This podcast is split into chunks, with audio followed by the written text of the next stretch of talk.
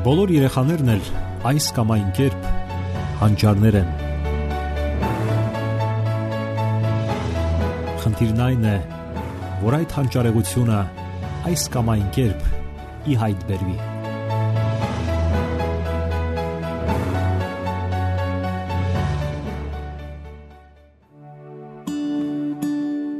Բարև ձեզ, սիրելի ռադիո լսողներ։ Եթերում դասյարակություն հաղորդաշարն է։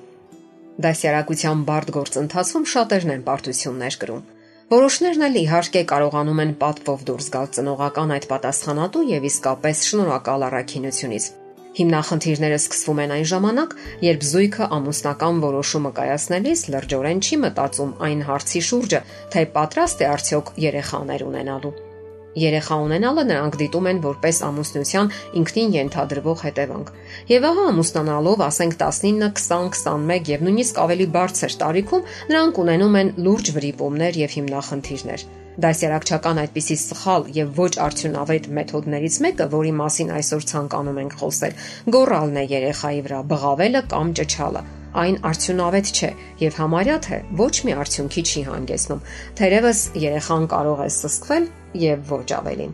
Մասնագետները խորհուրդ են տալիս նույնիսկ ձայնը չբարձրացնել երեխայի հետ փոխհարաբերությունների ժամանակ։ Նշանավոր մասնագետ Սկոտ Տուրանսկին գրում է. Բղավելով դուք կարող եք ստիպել երեխային նստել մեքենա կամ հեռանալ ձեր մոտից, սակայն ոչ ավելին։ Այո, ճճալով կարելի ինչ-որ բանի հասնել, Սակայն եթե գորալը կամ բղավելը ձեր ծնողական դասիրակության մեթոդների մեջ հիմնական եղանակներից մեկն է, ապա դուք պետք է օգտվեք դրանից անընդհատ։ Եվ ինչքան մեծանում են երեխաները, այնքան ավելի եք դուք հարկադրված լինում բարձրացնելու ձեր ձայնը։ Եվ երբ նրանք դառնում են պատանիներ, պարզապես արդեն ուշադրություն չեն դարձնում այդ ճիչերին եւ արդյունքում անընդհատ դիմելով դրա օգնությանը դուք պարզապես փչացնում եք ձեր հարաբերությունները երեխաների հետ։ Վատթարագույն դեպքում դրանք կարող են ընտանեկան վեճերի ու տարաձայնությունների պատճառ դառնալ։ Եվ իսկապես, մշտական բղավոցները եւ բարձր ձայները ընտանիքում վաղ թե ուշ առաջացնելու են լարված փոխհարաբերություններ։ Այն ոչ միայն չի նպաստելու, այլ մի բան էլ ավելի է վատացնելու դասյարակչական գործընթացները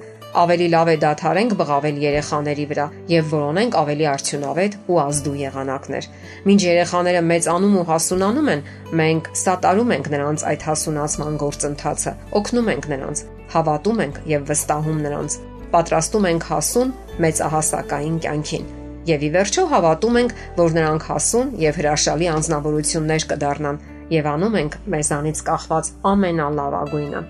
Իսկ ինչու՞ չի օգնում բղավոցը։ Ինչ է նշանակում բղավել։ Իմաստային ինչ տեղեկատվություն է պարունակում նա իր մեջ։ Դա նշանակում է, որ մենք հիասթափված ենք երեխայից, նրան չենք հավատում եւ չենք վստահում։ Մենք կարծես ասում ենք. դու երբեք ոչ մի բանի չես հասնի։ Եվ երեխաները մշտապես լսելով այդ խոսքերը, մեծանալով բավականաչափ բացասական տեղեկատվություն են ունենում իրենց մեջ, իրենց իսկ մասին։ Նրանք սկսում են տարապել ցածր ինքնագնահատականից, վախերից ու տագնապալի զգացումներից, նաև դեպրեսիայից։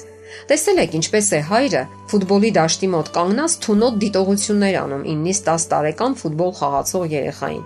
Իսկ մարզիչները, ովքեր նույնպես կարող են երեխայի մեջ ոչնչացնել հաճույքով պարապելու ամեն մի ցանկություն։ Ահա մի այլ դեպք։ Երեխան գլխիկոր դուրս է գալիս շախմատի խաղից։ Նա պարտվել է, իսկ մարզիչը կամ ծնողը փոխանակ սատարելու կամ մխիթարելու Մի բան էլ կրակի վրա յուղ են լցնում։ Քեզանից բան դուրս չի գա։